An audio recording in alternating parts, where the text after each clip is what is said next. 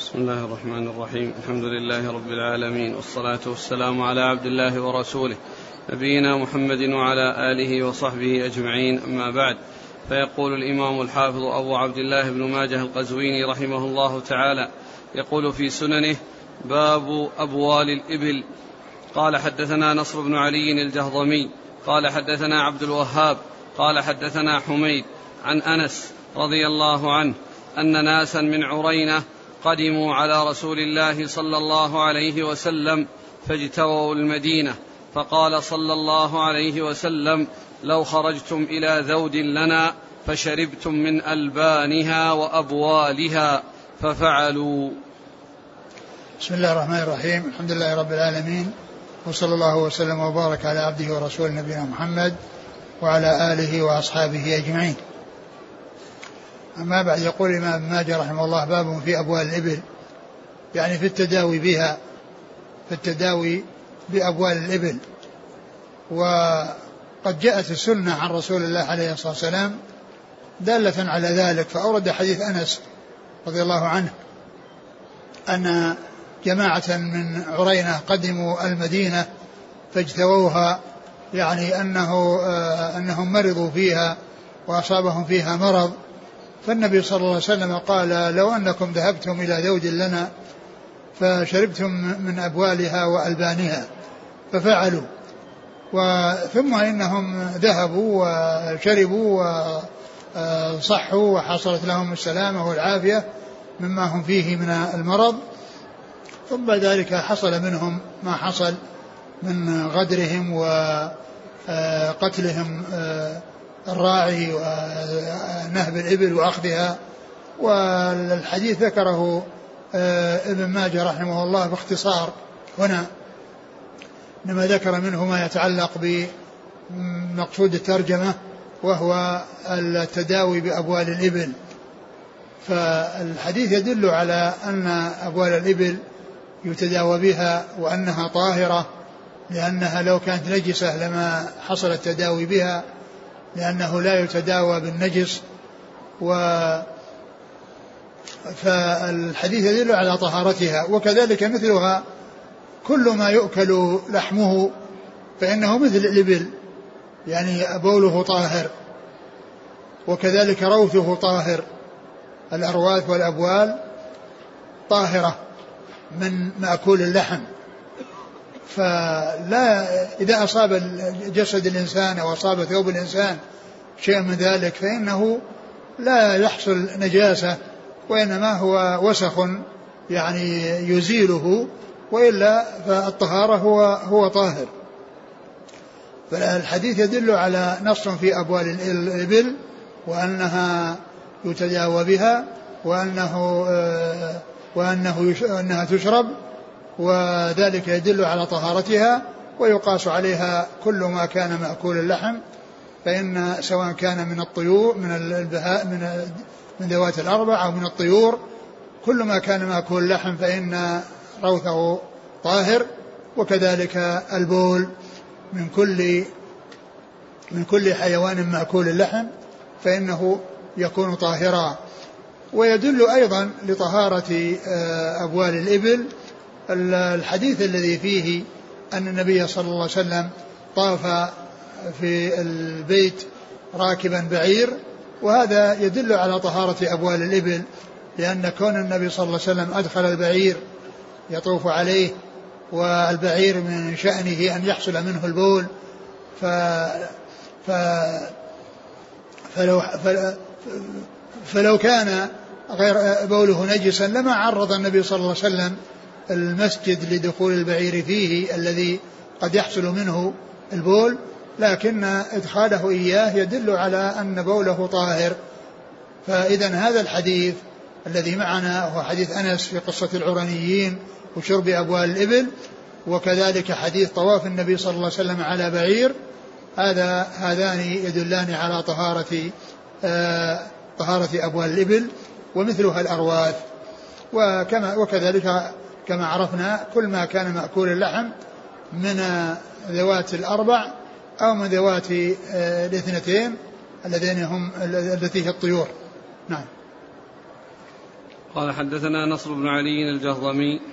ثقة أخرج له أصحاب الكتب الستة وهو شيخ لأصحاب الكتب الستة. عن عبد الوهاب. عبد الوهاب بن عبد المجيد الثقفي وهو ثقة أخرج أصحاب الكتب. نعم. عن حميد. حميد بن أبي حميد الطويل ثقة أخرج أصحاب الكتب. عن أنس. عن أنس بن مالك رضي الله عنه خادم رسول الله صلى الله عليه وسلم وأحد السبعة المكثرين من حديثه صلى الله عليه وسلم. وهذا الإسناد رباعي من الأسانيد الرباعية التي بين ابن ماجه وبين رسول الله صلى الله عليه وسلم فيها أربعة أشخاص وهي من الأسانيد العالية وأعلى منها الثلاثيات. فقد سبق أن مر بنا أن ابن ماجه عنده خمسة حديث ثلاثيات وكلها بإسناد واحد وهو جبارة بن مغلس عن كثير بن سليم عن أنس بن مالك وكل هذه الأسانيد أو هذا وهذا الإسناد هو ضعيف لأن فيه رجلان ضعيفان وهما جبارة بن مغلس وكثير بن سليم فالخمسة الأحاديث التي وردت في آه، ابن ماجه من الثلاثيات كلها بإسناد ضعيف. نعم. يقول ما وجه تخصيص التبويب بالأبوال دون الألبان مع كونهما جمع في الحديث؟ لأن الألبان كما هو معلوم يعني آه، شربها واستعمالها يعني سواء للتداوي أو للغذاء يعني آه، جاءت فيه النصوص. أقول جاء فيه نصوص كثيرة. يعني كون الألبان تشرب ألبان الإبل وألبان البقر وألبان الغنم يعني هذه آه، جاءت نصوص كثيرة تدل على ذلك ولكنه أتى بالشيء بالبول الذي هو آه، جاء في هذا الحديث. أما شرب الألبان فقد جاء في أحاديث أخرى. هل يشترط في الإبل التي تشرب أبوالها أن ترعى وأما التي تعلف لا يتداوى بها. أبدا. يعني لا قضية التداوي هذا يعني الأمر فيه واسع سواء كان يعني ترعى أو غير ترعى. لكن كون النبي صلى الله عليه وسلم أرشد إلى أنهم يذهبون إلى ذود وأنها ترعى لا شك أن هذا يدل على أنها أولى من غيرها. لكن لا يدل على أن التي لا ترعى وإنما تعلف أنه يعني لا تستعمل أبوالها. ما ما يدل على هذا لكن ذاك يفيد بأن التي ترعى أن يعني فيها إرشاد من الرسول صلى الله عليه وسلم يعني إلى ذلك. و وأما غيرها ليس هناك شيء يمنع من ذلك. والطهارة هي واحدة في حق هذه وهذه سواء كانت ترعى أو تعلف قال رحمه الله تعالى باب يقع الذباب في الإناء. قال حدثنا أبو بكر بن أبي شيبة قال حدثنا يزيد بن هارون عن ابن أبي ذئب عن سعيد بن خالد عن أبي سلمة قال حدثني أبو سعيد رضي الله عنه أن رسول الله صلى الله عليه وسلم قال في أحد جناحي الذباب سم وفي الآخر شفاء فإذا وقع الطعام فإذا وقع في الطعام فانقلوه فيه فإنه يقدم السم ويؤخر الشفاء. ثم ذكر باب يقع الذباب في الإناء. باب يقع الذباب في الإناء. يعني ماذا يصنع بهذا الذي وقع عليه الذباب؟ يعني سواء كان يعني يعني طعاما أو غير طعام يعني سواء كان يعني شرابا أو غير شراب. فإنه إذا وقع على طعام فإن فالذباب أخبر النبي صلى الله عليه وسلم بأن في أحد جناحيه داء وفي أحد جناحيه شفاء. وأنه إذا وقع يقدم الذي فيه الداء ويرفع الذي فيه الشفاء. فالرسول عليه الصلاة والسلام أمر بغمسه في الطعام حتى يأتي الدواء يقابل الداء ويلغيه. ف فهذه السنة التي جاءت عن رسول الله عليه الصلاة والسلام. وهذا من الأمور التي لا تعلم يعني الرسول صلى الله عليه وسلم جاء بها عن يعني بوحي من الله سبحانه وتعالى. هو الذي يعلم أن في هذا داء وفي هذا شفاء وأن السنة أن يفعل فيه هذا الفعل الذي يضم الدواء, الدواء الذي يرفعه بجناحه الثاني إلى الداء الذي في جناحه الآخر الذي الذي جعله على الطعام. ف وهذا هذه السنة في هذا في, في, في مثل هذه الحال أن الطعام يستفاد منه وأنه لا يترك وأن هذا المحذور يزال بغمسه حتى يأتي الشفاء مكان الداء. ويدل أيضا على أن يعني أن الذباب وغيره مما لا دم فيه أنه لا ينجس الماء إذا مات فيه. ولهذا أخذ بعض العلماء من هذه من هذا الحديث الذي هو كون الذباب يغمس أن أن ما كان آه، لا نفس له سائلة إذا مات في الماء لا ينجسه. وجه الدلالة من هذا أن الماء قد يكون حارا فإذا غمس فيه الذباب يموت. فإذا غمس فيه الذباب يموت. والرسول صلى الله عليه وسلم أرشد إلى استعمال هذا هذا الماء. مع أنه قد يموت. وفي الغالب أنه يموت إذا كان الماء حارا وغمس فيه حتى أحاط به أحاط به الماء الحار. فاستنبط بعض أهل العلم من هذا أن ما لا نفس له سائلة لا ينجس الماء إذا مات فيه. لا ما لا نفس له سائلة لا ينجس الماء إذا مات فيه. وعبروا بهذه العبارة عما كان من هذا القبيل حتى يشمل كل ما كان من هذا القبيل بهذه العبارة ما لا نفس له سائلة. والنفس المقصود به الدم المقصود بها الدم يعني ما لا دم فيه كالذباب وغيره من الجراد وغيره من الحشرات التي يعني يكون فيها ليس فيها دم. فإنها إذا ماتت في الماء لا تنجسه. وابن القيم رحمه الله ذكر في كتابه زاد المعاد قال أن أول من عبر بعبارة ما لا نفس له سائلة إبراهيم النخعي وعنه تلقاها الفقهاء من بعده وعنه تلقاها الفقهاء من بعده. مع أنه قال في كتاب الروح لما صار يتكلم بالفرق بين النفس والروح وأن النفس قد تطلق على الروح والروح وتطلق النفس على أشياء أخرى والروح تطلق على أشياء أخرى لأن الروح والنفس يلتقيان في أن أن أنه يراد بهما الروح والنفس التي هي نفس الإنسان التي بوجودها في جسده تبقى حياته وبذهابها عن جسده يحصل موته. فيقال نفس الإنسان ويقال روح الإنسان وهما بمعنى واحد. إلا أن الروح تطلق إطلاقات أخرى والنفس تطلق إطلاقات أخرى فالنفس يطلق على الدم والروح تطلق على الوحي وتطلق على كذلك أوحينا إليك روحا من أمرنا وتطلق على جبريل الروح الأمين. فهذه تطلق إطلاقات وهذه تطلق ولكن يلتقيان جميعا في إطلاقهما على النفس يعني الذي آه، به الذي به الحياة والروح التي بها الحياة.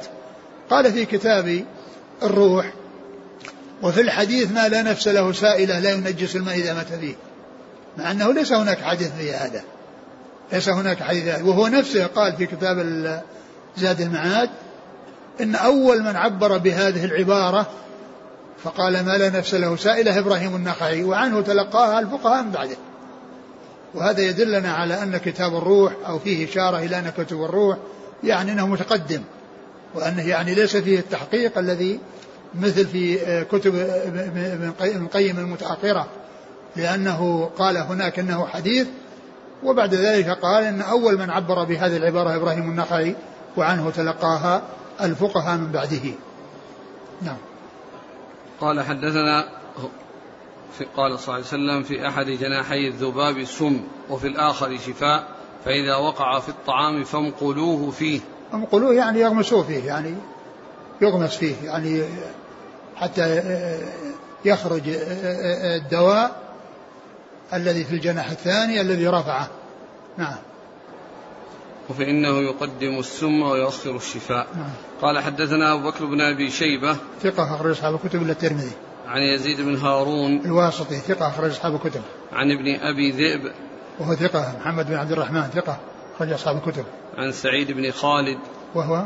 صدوق أبو داود والنسائي بن ماجه. نعم. عن أبي سلمة. أبو سلمة بن عبد الرحمن بن عوف ثقة أخرج أصحاب الكتب. عن أبي سعيد. أبي سعيد الخدري سعد بن مالك بن سنان رضي الله عنه وهو أحد السبعة المكثرين من حديث الرسول صلى الله عليه وسلم.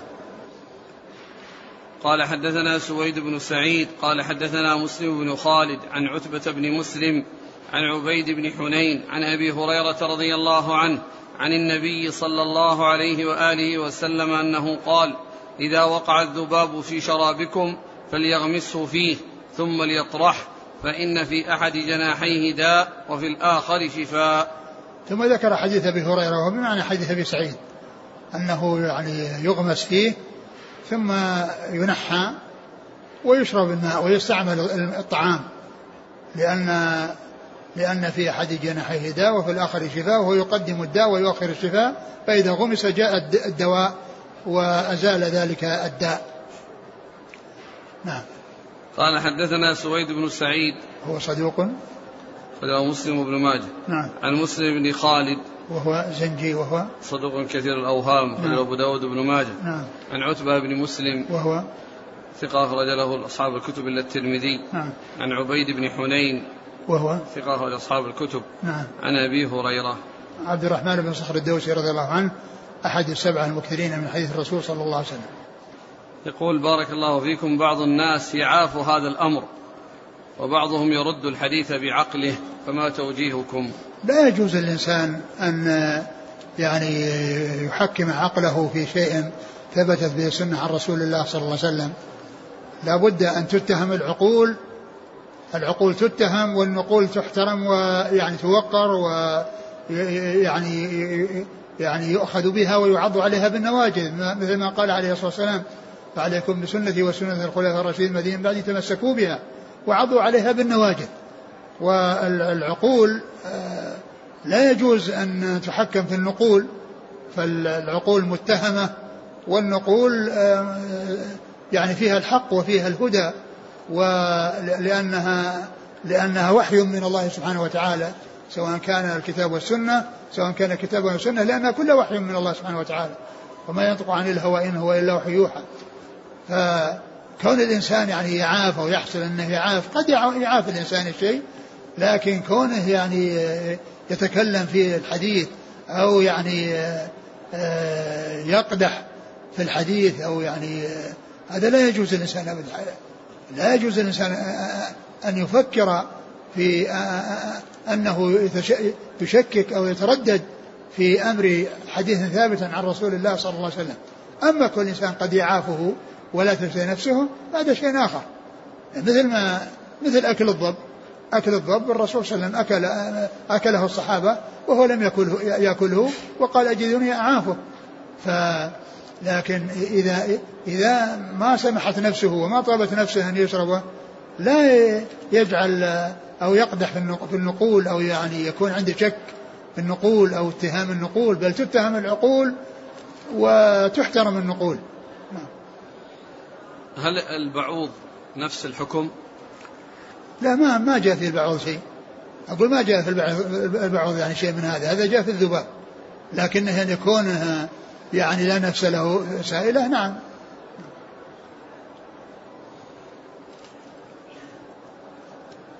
يقول هل يوجد حرج في في سكب أو التخلص من محتوى الإناء؟ كيف؟ يسكبه لأن نفسه تعافى فيرميه. هل في ذلك يعني يقال إسراف يعني أو تبذير؟ والله ما ينبغي هذا ما ينبغي هذا. قد يبقيه يشرب غيره. نعم. يشترط في المغموس أن يكون مائع؟ لا ليس ليس بلازم. حتى نفس الطعام إذا جل يعني وضع عليه وهو يعني غير مائع يعني آآ آآ آآ إذا كان طعام إذا كان يعني مثل رز يابس ومثل سكر وما ذلك ما يغمس ما يحتاج. لكن إذا كان أنه طعام مثلا مطبوخ وقع عليه فإنه يحصل في هذا الشيء. ولهذا قال الطعام. نعم.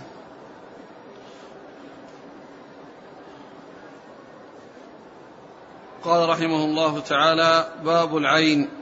قال حدثنا محمد بن عبد الله بن نمير قال حدثنا معاوية بن هشام قال حدثنا عمار بن رزيق عن عبد الله بن عيسى عن أمية بن هند عن عبد الله بن عامر بن ربيعة عن أبيه رضي الله عنه عن النبي صلى الله عليه وعلى آله وسلم أنه قال العين حق.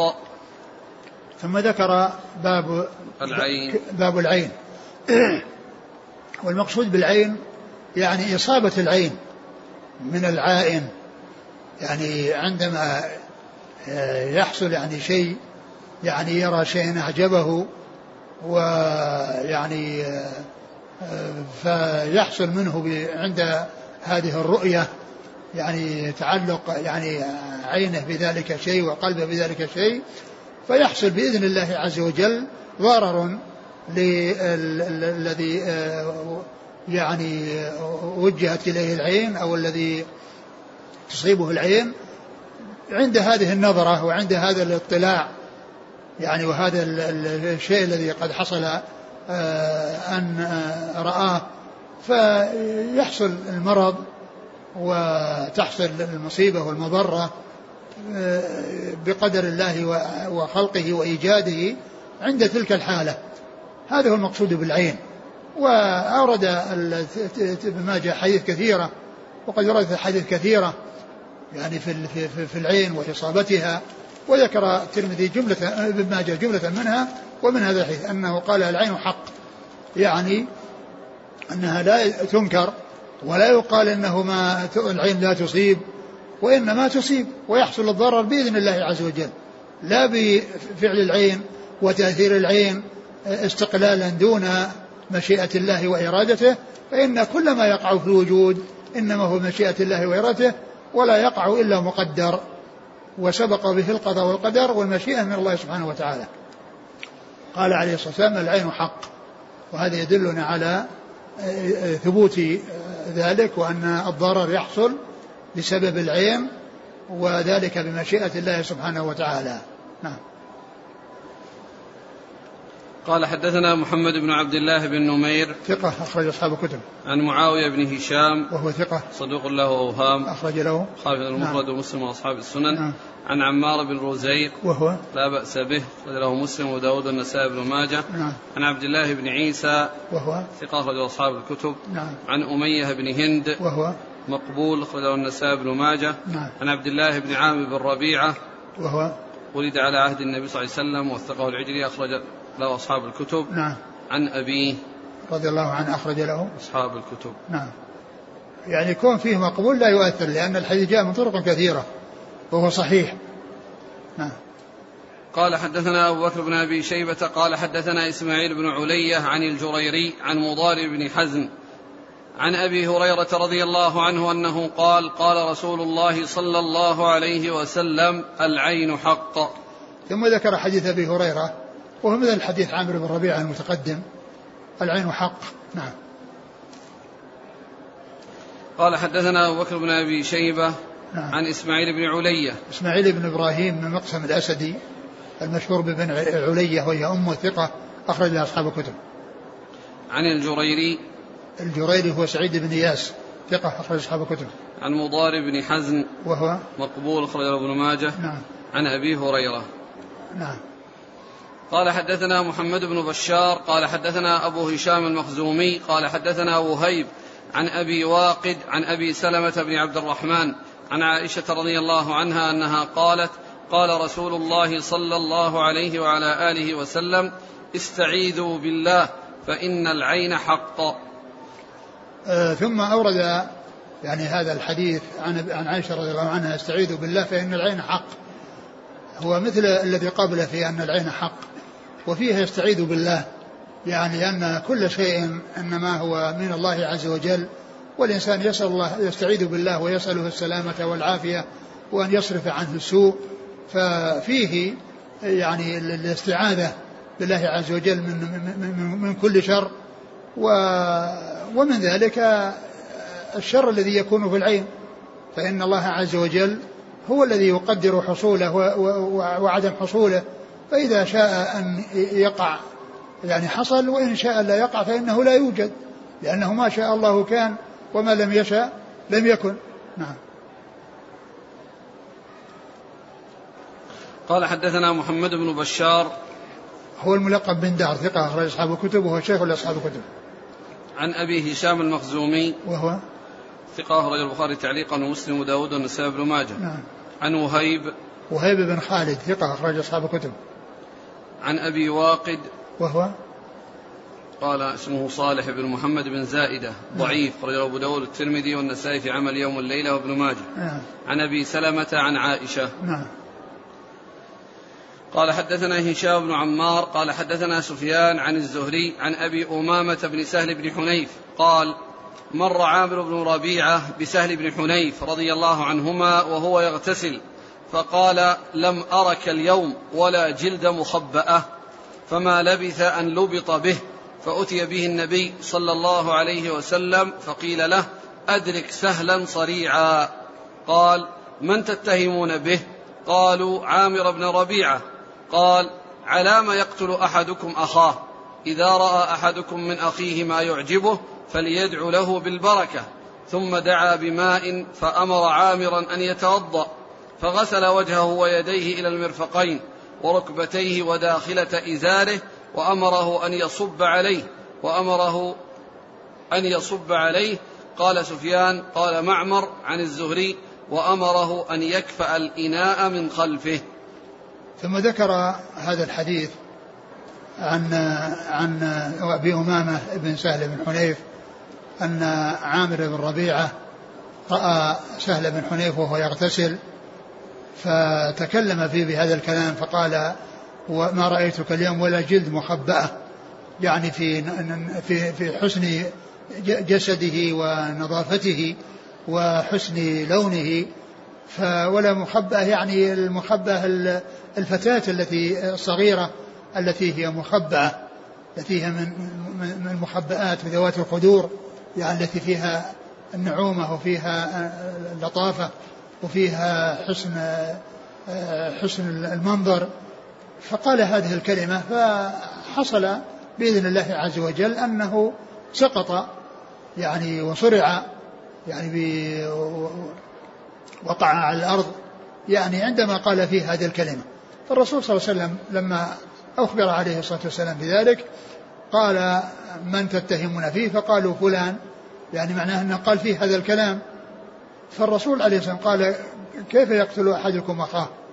ثم أمره بأن يتوضأ بأن يغسل وجهه ويغسل يعني يديه إلى المرفقين وكذلك يغسل ركبتيه يعني وكذلك أيضا داخلة إزاره. ثم إنه يصب عليه من خلفه يصب عليه من خلفه يعني ذلك الماء الذي حصل من هذا العائم. فهذا هو الذي أرشد إليه الرسول عليه الصلاة والسلام. فسواء يعني آه، جاء هنا ذكر الصب و والمهم أن يكون آه، شيء ماسه جسد يعني ذلك العائن فيستفيد منه إصابة العين سواء عن طريق الصب أو عن طريق الشرب أو يعني أو طريق الاغتسال. كل ذلك يحصل بالمقصود ولكن الرسول صلى الله عليه وسلم أرشد هنا إلى أنه يصب. ولكن لا يلزم أن يكون صب وقد لا يكون هناك يعني شيء يحتاج إلى الصب. قد يكون يعني شيء قليل لكن يمكن. المهم أن يستفيد الإنسان المعين من شيء من ما مسه جسد العائن وإذا حصل بهذه الطريقة التي أرشد إلى الرسول صلى الله عليه وسلم بأن توضأ له وحصل هذا وصب عليه فهذا هو الموافق لما جاءت به السنة عن رسول الله عليه الصلاة والسلام. لكن لا يتعين أن تكون الاستفادة عن طريق الصب. فقد يكون الشيء يعني قليلا أو قد يعني يحصل رقية يعني من ذلك العائن فيعني يشربها المعين. نعم. أعد متن مر عامر بن ربيعة بسهل بن حنيف وهو يغتسل نعم. فقال لم أرك اليوم ولا جلد مخبأة نعم. فما لبث أن لبط به. لبط به يعني وقع صريعا و فالرسول عليه الصلاة والسلام قال بعدها فأتي به النبي صلى الله عليه وسلم فقيل له أدرك سهلا صريعا نعم. قال من تتهمون به؟ قالوا عامر بن ربيعة. قال على ما يقتل أحدكم أخاه. إذا رأى أحدكم من أخيه ما يعجبه فليدعو له بالبركة. وهذا هذا هو العلاج. يعني عند يعني المعين أو العائن إذا يعني يعني خشي أن يصيب أحد فإنه إذا رأى شيئا يعجبه يدعو بالبركة يقول بارك الله فيك وبارك الله عليك. يعني هذا هو الذي أرشد إليه الرسول عليه الصلاة والسلام.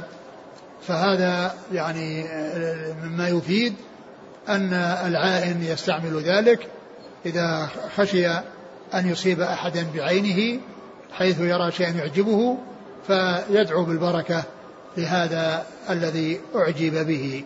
نعم. بعده. قوله فليدعو له بالبركة. نعم يقول بارك يعني عندما يراه يقول بارك الله عليه بارك الله عليك وبارك قد قد يكون يسمع وقد لا يكون لا يسمع. نعم. يعني بعض الآن يقولون ما شاء الله تبارك الله. يصلح؟ والله الأولى الأقل يدعو له بالبركة. ما تبارك الله هذا يعني ليس دعاء هذا ثناء على الله عز وجل تبارك وتعالى. تبارك الله يعني هذا ليس دعاء. وقال يدعو له بالبركة يقول بارك الله عليه نعم أخذ من القصة في سورة الكهف. ما شاء الله لا قوة إلا بالله. ما يعني السنة جاءت بالبيان والإيضاح. يعني قال فليدعو له بالبركة. نعم. وإذا قال ما شاء الله تبارك الله اللهم بارك فيه يعني لا بأس. المهم الذي جاءت بالسنة وأرشده الرسول صلى الله عليه وسلم يأتي به. سواء أتى بذاك أو لم يأتي به. قال ثم دعا بماء فأمر عامرا أن يتوضأ فغسل وجهه ويديه إلى المرفقين وركبتيه. نعم. وداخلة. يعني, يعني معناها الشيء الذي يكون يعني في يعني بين في أسفل لأن هذا الذي يكون تحت الركبة. يعني الركبة وما تحتها الذي تحتها يكون فيه يعني آه، شيء. متجمع يعني أو من من العرق أو شيء فيكون إذا غسل يعني آه، آه، يتساقط يعني في الإناء. نعم. وداخلة إزاره. وداخلة إزاره يعني الذي يلي جسده يعني الذي في عرقه. داخلة إزاره يعني الذي فيه عرقه. يعني يغسل يعني يصير في هذا الماء. نعم. يعني يغسل طرف الإزار؟ نعم نعم طرف الداخلة. من جهة داخله من جهة داخله. من جهة موضع الحزم من نعم هو نعم هو الذي هو الذي يعني يكون فيه المماسة للجسد في الغالب. الباقي يماسه لكنه ما هو مثل ال ال ال الذي ربط ويعني حزم على وسطه الذي هو معقد الإزار أو الذي يعقد الذي يعقد به الإزار. نعم. وأمره أن يصب عليه. نعم. قال سفيان قال معمر عن الزهري وأمره أن يكفأ الإناء من خلفه. نعم. يكفأ الإناء يعني يصب عليه من خلفه. نعم. قال حدثنا هشام بن عمار صدوق أخرجه البخاري وأصحاب السنة. عن سفيان بن عيينة ثقة أخرج أصحاب الكتب. عن الزهري محمد بن مسلم بن عبد الله بن شهاب ثقة أخرج أصحاب الكتب. عن أبي أمامة بن سهل بن حنيف. وهو صحابي صغير أخرج له. أصحاب الكتب. نعم. وهو صغير يعني ليس له رواية ولكن له رؤية ولكنه جاء في بعض الروايات أنه يرويه عن أبيه. صلى الله عليك. هل يجب على العائن إذا علم أنه هو الذي أصاب أن يتوضأ إذا طلب منه نعم. وجوبا؟ نعم يجب عليه نعم. يجب عليه. إذا كان إذا كان أنه يعني أن التهمة محققة أما مج يعني مجرد ظن وتخمين ما يجب. لكن إذا كان أنه محقق وأنه معروف بهذا البلاء وأنه يعني قال شيئا وحصل له بسبب هذه المقالة مثل ما حصل في هذه القصة. فهذا يعني عرف بأنه قد عانى. لكن ما ما كل من يطلب منه لكن ينبغي له ينبغي له حتى يعني يريح يعني غيره لكن لا يجب.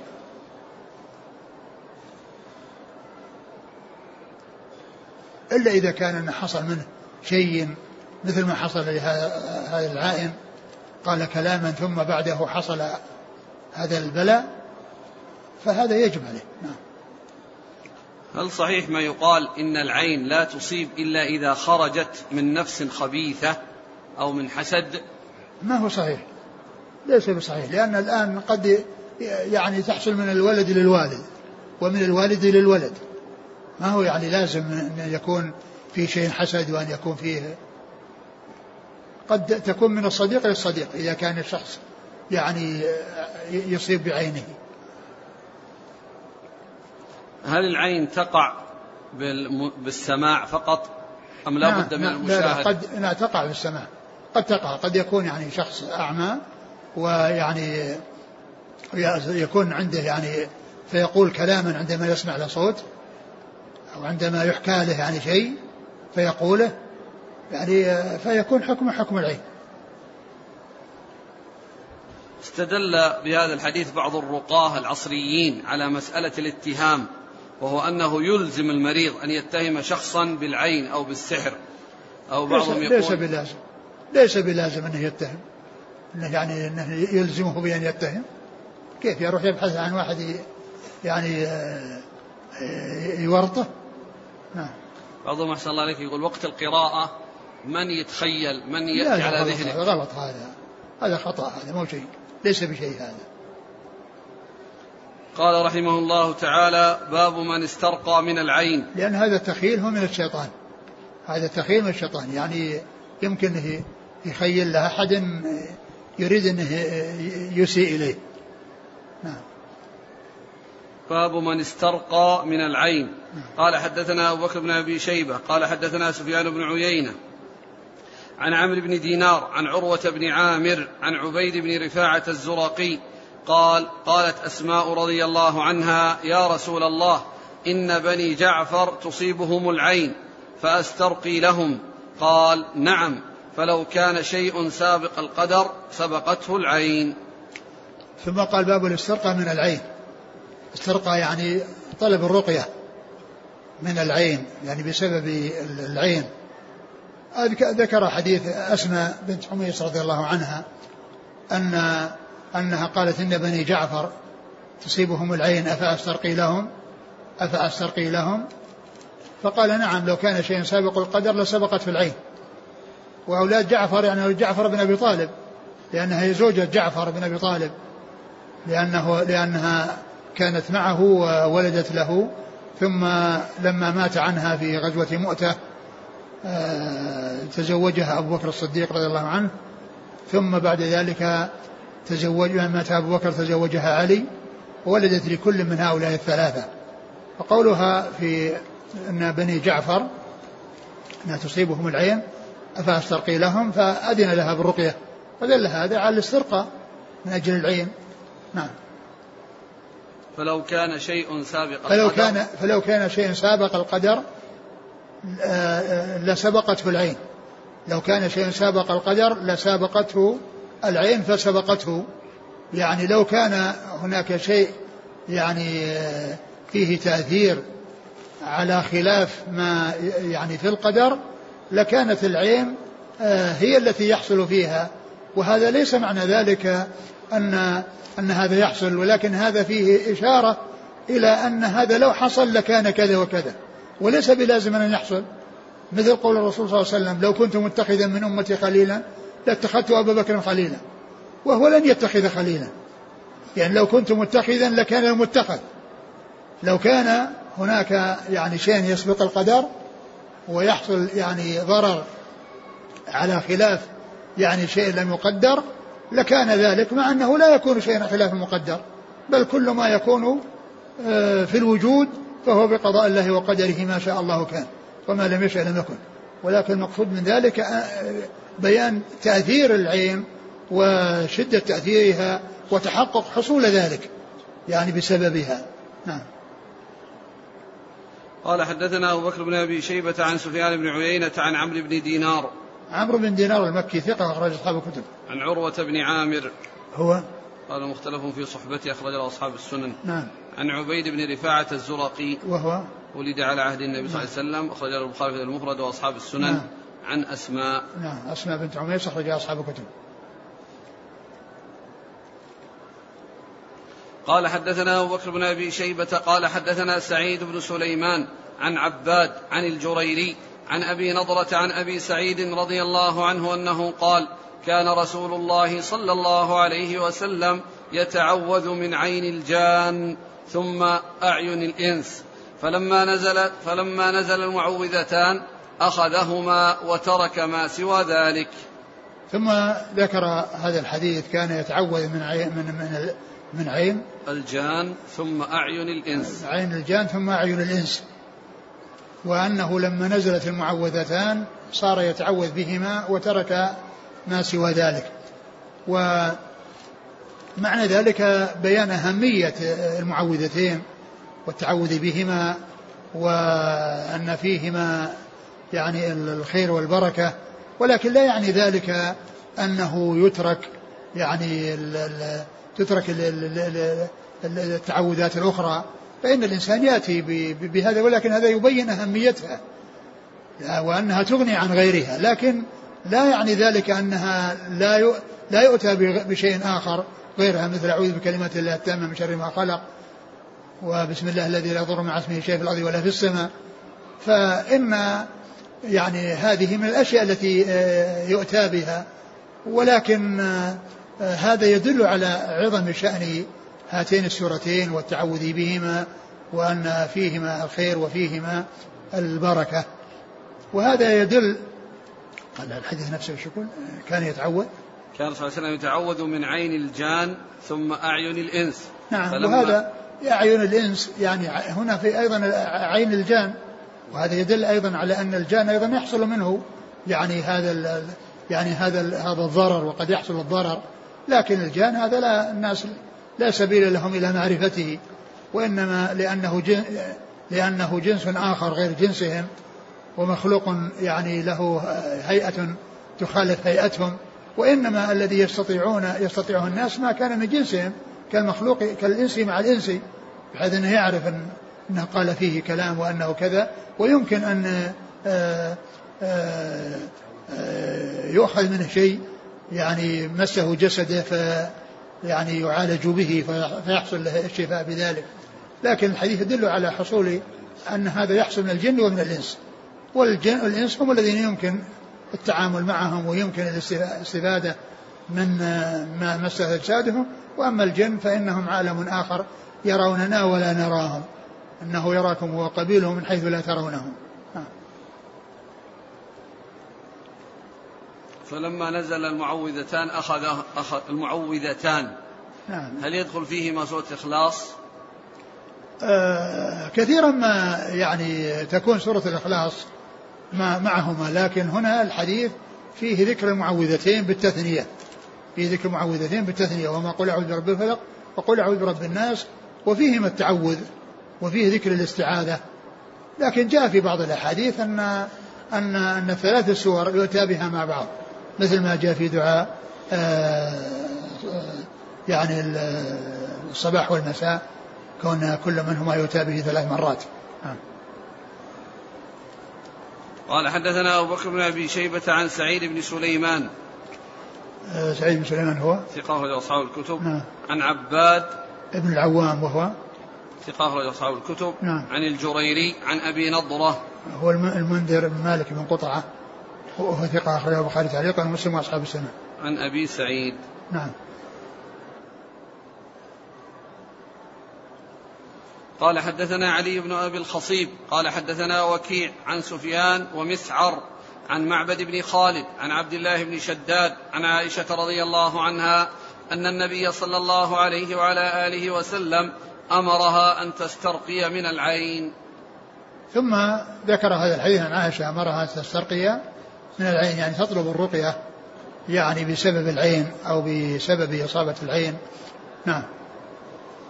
لأن في يعني أمرها أن تسترقي تطلب يعني تطلب الرقية؟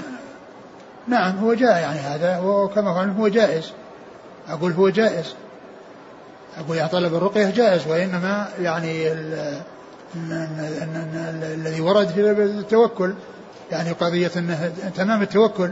وإلا فإن الجواز هو جائز. والأمر يعني كما هو ليس للوجوب وإنما هو للندب. نعم. ويمكن أن يكون هذا أيضا يعني متقدم يعني يعني يعني قبل الحديث الذي فيه ذكر السبعين ألف الذين يسترقون ولا يكتبون نعم. ولكن يعني الجواز يدل على الجواز. نعم. مثل ذاك الحديث الذي سبق مرنا مر بنا آه، أسمى أن تسترقي نعم. حتى هناك جاء السؤال نفسه من الطلاب. نعم. الإخوة سألوا أو كله يعني طريقهما واحد. يعني دل يدل على جواز ذلك وكونه يعني آه، آه، آه، ينافي كمال التوكل لا يؤثر على الطلب. أقول ما يؤثر يعني ليس معنى ذلك الناس يتركونه هو جائز. قال حدثنا علي بن أبي الخصيب هو؟ صدوق ربما أخطأ أخرجه ابن ماجه عن نعم. وكيع. ابن الجراح ثقة أخرج أصحاب الكتب. عن سفيان ومسعر. سفيان الثوري ثقة أخرج أصحاب الكتب. ومسعر بن كدام ثقة أخرج أصحاب الكتب. عن وهذان اللي هما مسعر وكدام وهو مسعر بن كدام وسفيان قيل يعني ذكر أنهما ممن وصف بأنه أمير أمير المؤمنين في الحديث. أمير المؤمنين في الحديث كل منهما وصف بهذا. وهو يعني من صيغ التعديل ال- الرفيعة ال- ال- العظيمة يكون يقال عن شخص أمير المؤمنين في الحديث. وهذا وصف أطلق على جماعة منهم مسعر وكذا مسعر وسفيان ومنهم الدار قطني والبخاري وإسحاق بن راهوية. نعم. عن معبد بن خالد هو؟ ثقة أصحاب الكتب. نعم. عن عبد الله بن شداد وهو؟ ولد على عهد النبي صلى الله عليه وسلم. نعم. وبعضهم أخرجه أصحاب الكتب. نعم. عن عائشة. نعم. قال رحمه الله تعالى باب ما رخص فيه من الرقى.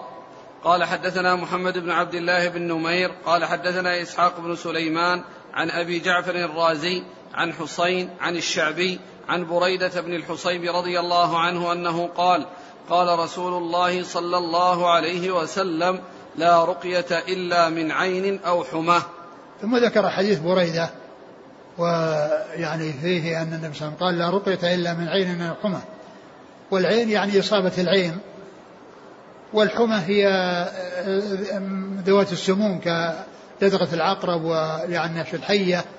يعني الذي هي هي الحمى يعني تكون بسبب السم الذي يكون من من ذوات السموم فإنه يعني يرقى منها.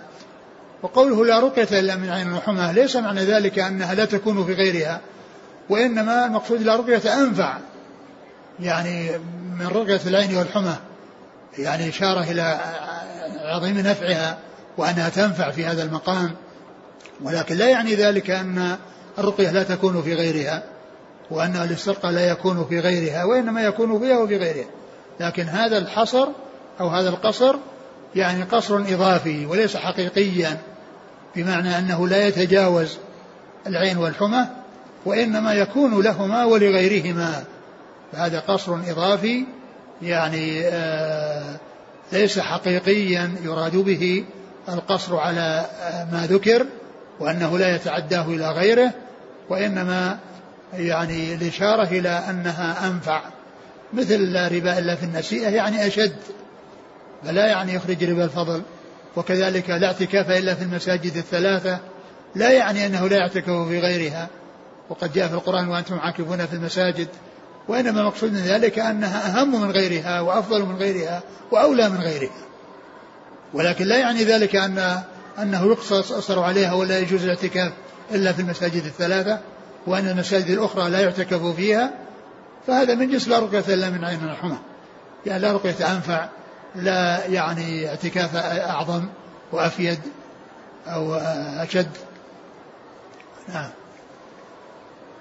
قال حدثنا محمد بن عبد الله بن نمير ثقة أخرج أصحاب الكتب. عن إسحاق بن سليمان هو؟ ثقة أخرج أصحاب الكتب. نعم. عن أبي جعفر الرازي وهو صدوق. سيء الحفظ. نعم. البخاري المفرد وأصحاب السنن. ولكنه توبع تابعه شعبة. نعم. عن حسين. حسين بن عبد الرحمن. وهو ثقة أخرج أصحاب الكتب. عن الشعبي. آه، عن الشعبي عامر بن شراحيل الشعبي. وهو ثقة أخرج أصحاب الكتب. بعض النسخ حضين. يعني حضين. بدل حسين وهو حسين وليس حضين. حضين آه، بن منذر وهو في طبقة أعلى من طبقة حسين بن عبد الرحمن لأنه من الطبقة الثانية. ويعني يروي عن الخلفاء الراشدين وهو متقدم وإنما هو يعني وفي ترجمة في ترجمة أبي جعفر وترجمة شراحيل الذي يروي عنه حسين بن عبد الرحمن. فإذا هو تصحيف. في بعض النسخ. نعم. عن بريدة بن الحصيب. بريدة بن الحصيب الأسلمي رضي الله عنه أخرجها أصحاب الكتب. قال حدثنا أبو بكر بن أبي شيبة قال حدثنا عبد الله بن إدريس عن محمد بن عمارة عن أبي بكر بن محمد أن خالدة بنت أنس أم بني حزم الساعدية رضي الله عنها جاءت إلى النبي صلى الله عليه وسلم فعرضت عليه الرقى فأمرها بها. ثم ذكر يعني هذا الحديث عن عن عن خالدة بنت أنس. بنت أنس. أم بني حزم الساعدية. نعم الساعدية رضي الله عنها أنها جاءت وعرضت على النبي صلى الله عليه عليه, رقى فأمرها بها. يعني عرض عليه رقى يعني فأقرها عليها لأنها سليمة. لأن الرقى قد يكون تكون فيها شيء محذور. وقد تكون يعني سليمة. فإذا كانت الرقى من كتاب الله عز وجل وبين الذكر والأذكار الطيبة وليس فيها محذور فهي مباحة. وأما الرقى التي فيها يعني ليست من هذا القبيل فإنه ليس الإنسان أو كذلك كان في لغة يعني غير معروفة فإن فإنها لا يؤتى بها وإنما يؤتى بالشيء الذي يتحقق سلامته ومعلوم أن السلامة إنما تتحقق بالإتيان بما جاء في كتاب الله وما جاءت به السنة عن الرسول صلى الله عليه وسلم من الأدعية والأذكار التي يعني إذا رقى بها الإنسان إنما رقى بالوحي الذي جاء في الكتاب والسنة وفيه الفائدة. وإذا آه، وأما الأشياء الأخرى فقد يكون آه، منها ما هو حق ومنها ما هو باطل. ولهذا لا يقر كل رقى ليست من كتاب الله وسنة رسوله صلى الله عليه وسلم إلا إذا عرفت وأنها لا محذور فيها. فهذه عرض عن النبي صلى الله عليه وسلم رقى فأمرها بها يعني أقرها عليها وأذن لها أن يعني ترقي بها أو تستعملها. نعم. قال حدثنا أبو بكر بن أبي شيبة عن عبد الله بن إدريس هو الأودي ثقة أخرج أصحاب الكتب. عن محمد بن عمارة. وهو؟ صدوق يخطئ أخرج أصحاب السنن. نعم. عن أبي بكر بن محمد. بن حزم وهو ثقة أخرج أصحاب الكتب. عن خالدة بنت أنس. أخرج لها؟ ابن ماجه. أخرج لها ابن ماجه. وقيل إن يعني إن إن في سماع أبي بكر منها يعني إنه يعني فيه شيء. ويعني ولكن معناه جاء في بعض الأحاديث يعني ان أن يعني الرقى إذا كانت غير معروفة ويعني عرفت بأنه لا محذور فيها بأنها يسوق الرقية بها. قال حدثنا علي بن أبي الخصيب قال حدثنا يحيى بن عيسى عن الأعمش عن أبي سفيان عن جابر رضي الله عنه أنه قال كان أهل بيت من الأنصار يقال لهم آل عمرو بن حزم يرقون من الحمى وكان رسول الله صلى الله عليه وسلم قد نهى عن الرقى فأتوه فقالوا يا رسول الله إنك قد نهيت عن الرقى وإنا نرقي من الحمى. فقال لهم اعرضوا علي. فعرضوها عليه فقال لا بأس بهذه هذه مواثيق ثم ذكر هذا الحديث وهو يعني يتعلق بنفس الجماعة الذين هم بني عمرو بن حزم وتلك ذاك الذي مر يعني هم نفس عن خالدة بنت إيش؟ خالدة بنت أنس أم آه. بني حزم الساعدية نعم يعني هذا فيه يعني الحديث الذي بعده يقويه لأن هذا وإن كان في سماع أبي بكر فيه شيء إلا أن الحديث الثاني بمعناه ونفس يعني الأسرة هي نفس الأسرة التي جاءت في الحديث الأول والحديث الثاني. قال الحديث الثاني عن جابر قال كان أهل بيت من الأنصار يقال لهم آل عمرو بن حزم نعم. يرقون من الحمى. وكان صلى الله عليه وسلم نهى عن الرقى. يرقون من الحمى وكان الرسول نهى عن الرقى. المقصود بالرقى التي فيها محذور يعني هي التي آه، يعني فيها محذور ولكنه جاء عنه في أحاديث كثيرة يعني إثبات الرقية وإجازتها والإذن بها ونفس الحديث أيضا هذا فيه لأنه قال اعرضوا علي نعم إيش قال؟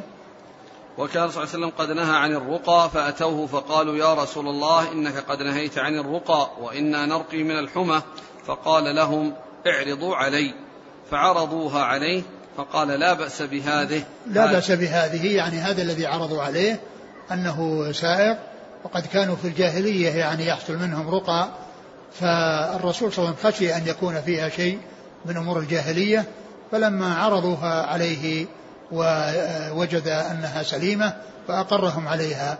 وأما قوله هذه مواثيق هذه الجملة التي قال هذه مواثيق يعني ما يتضح لي معناها.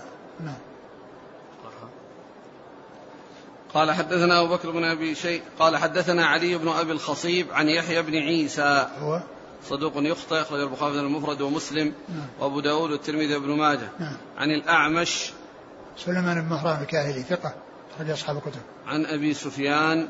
هو طلحة بن بن نافع ثقة. صدوق, صدوق أخرج أصحاب الكتب. عن جابر. نعم.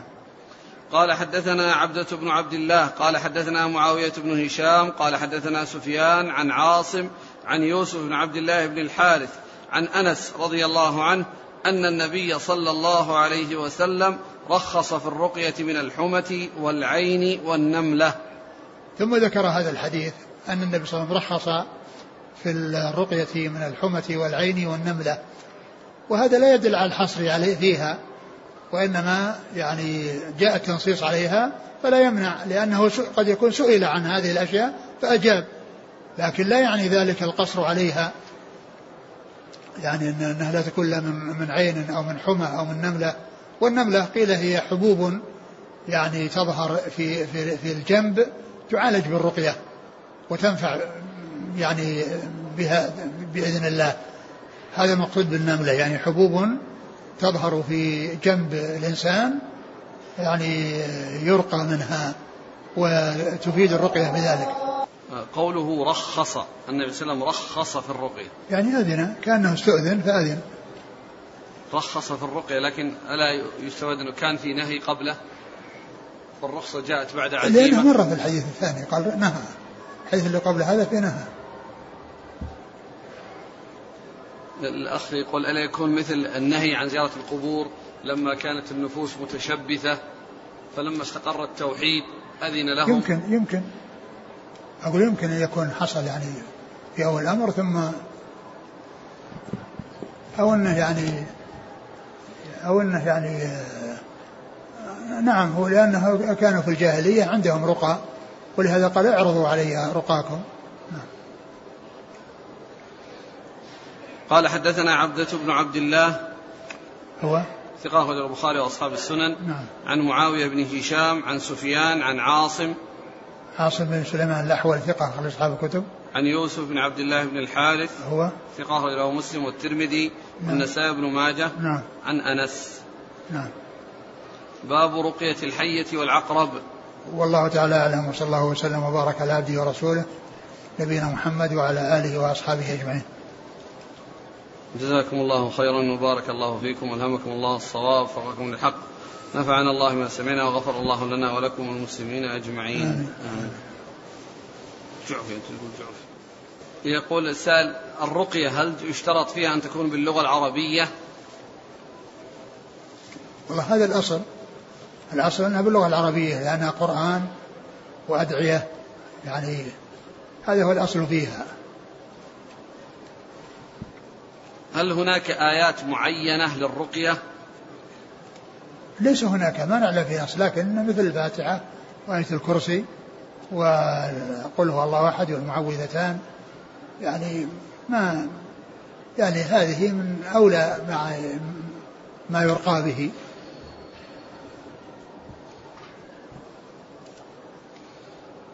يقول إذا أردت أن أرقي ابني هل أضع يدي عليه أو أنفث عليه؟ أو ماذا أفعل إذا كان صغيرا؟ يعني كل ذلك سواء وضع يده أو ما وضع يده كل كل الرقية أنه ينفث عليه الرقية هي النفث مع القراءة كونه يقرأ وينفث سواء وضع يده أو لم يضع يده. الاستدلال بقوله صلى الله عليه وسلم اعرضوا علي رقاكم ما لم تكن شركا استدل به على جواز الرقية بماء كتب القرآن ثم محي به. له وجه؟ ما له وجه أبدا. أي أي وجه لهذا؟ هذا ما قال له رقية يقول بلادنا مليئة بالسحرة ويؤذون طلاب العلم الذين يدعون للتوحيد لصدهم عن العلم والدعوة. ولا سبيل إلا طلب الرقية. فهل في هذه الحال لا يخرج الطلاب عن فضل السبعين ألف لهذه الضرورة؟ الإنسان يرقي نفسه. هو نفسه. ليش لماذا لا يرقي نفسه؟ أقول كون الإنسان يرقي نفسه هذا هو الذي ينبغي. مو لازم الإنسان يطلب الناس يرقونه وإنما هو نفسه يرقي نفسه. وبذلك لا لا يحصل هذا الذي يخشاه. يقول أصيبت طالبة في المدرسة بعين فقامت المعلمات بإعطاء الطالبات رطب ثم أخذ النوى ووضع في الماء لكي تشربه الطالبة المعانة. فهل هذا الفعل صحيح؟ والله يبدو أنه لا بأس به. إذا كان ما عرفت يعني تلك إذا ما عرفت العائنة فيقتصر عليها وإن وإن يعني حصل مثل هذا الشيء لا بأس به. يقول هل يجوز قراءة الرقية على المرأة؟ لكن هذا إذا حصل أنها وقعت وحصل كذا أما مجرد يعني توهمات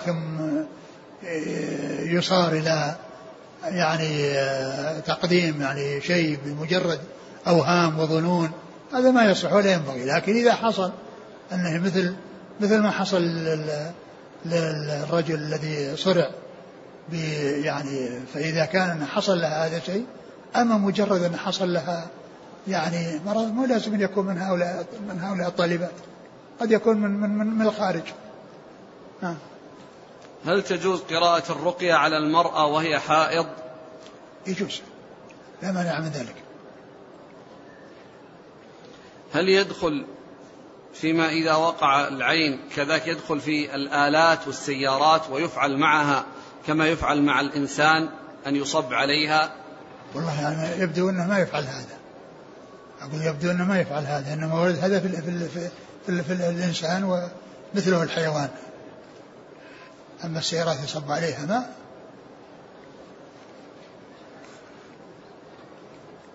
هل يمكن أن أن يصاب المسلم بعين الكافر والكافر كذلك بعين المسلم؟ يمكن، إيش إيش المعنى؟ يمكن لأن لأن الإصابة كما هو قد تكون من من الصديق للصديق. يعني شيء يعني نفوس فيها يعني شيء فتصيب قد تصيب القريب وتصيب البعيد فتحصل من الكافر المسلم والمسلم الكافر.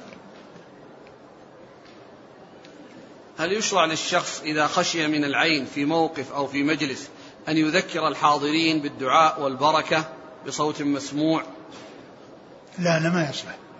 يعني إذا خشي أما إذا كان يعني حصل شيء يقتضي هذا يعني بأن شخص يعني يعني له موقف طيب وكذا والناس يعني يعني يغبطونه أو يعني ظهرت الغبطة بهذا يعني إذا إذا قيل يعني يعني بهذا أو طلب هذا لا بأس. أما مجرد يعني مجرد أوهام وما إلى ذلك ما يصلح. لأن معناته كل المجالس كلها بهذه الطريقة. بعض الناس يعني يتكلم عن شيء بشراهة. يعني يتكلم عن عن شخص معين أو عن ابن أو عن يتكلم يعني ربما بعض الأشخاص يتكلم عن شيء بشراهة بإعجاب شديد. فصاحب الأمر يقول له اذكر الله اذكر الله برك برك. آه، قضية آه، كونه كونه آه، أقول مثل هذا شخص معين يعني يقول كلام أو يعني يقال كلام في في شخص. وقد يخشى منه ويقال له قل بارك الله فيك لا بأس بهذا. جزاكم الله خيرا.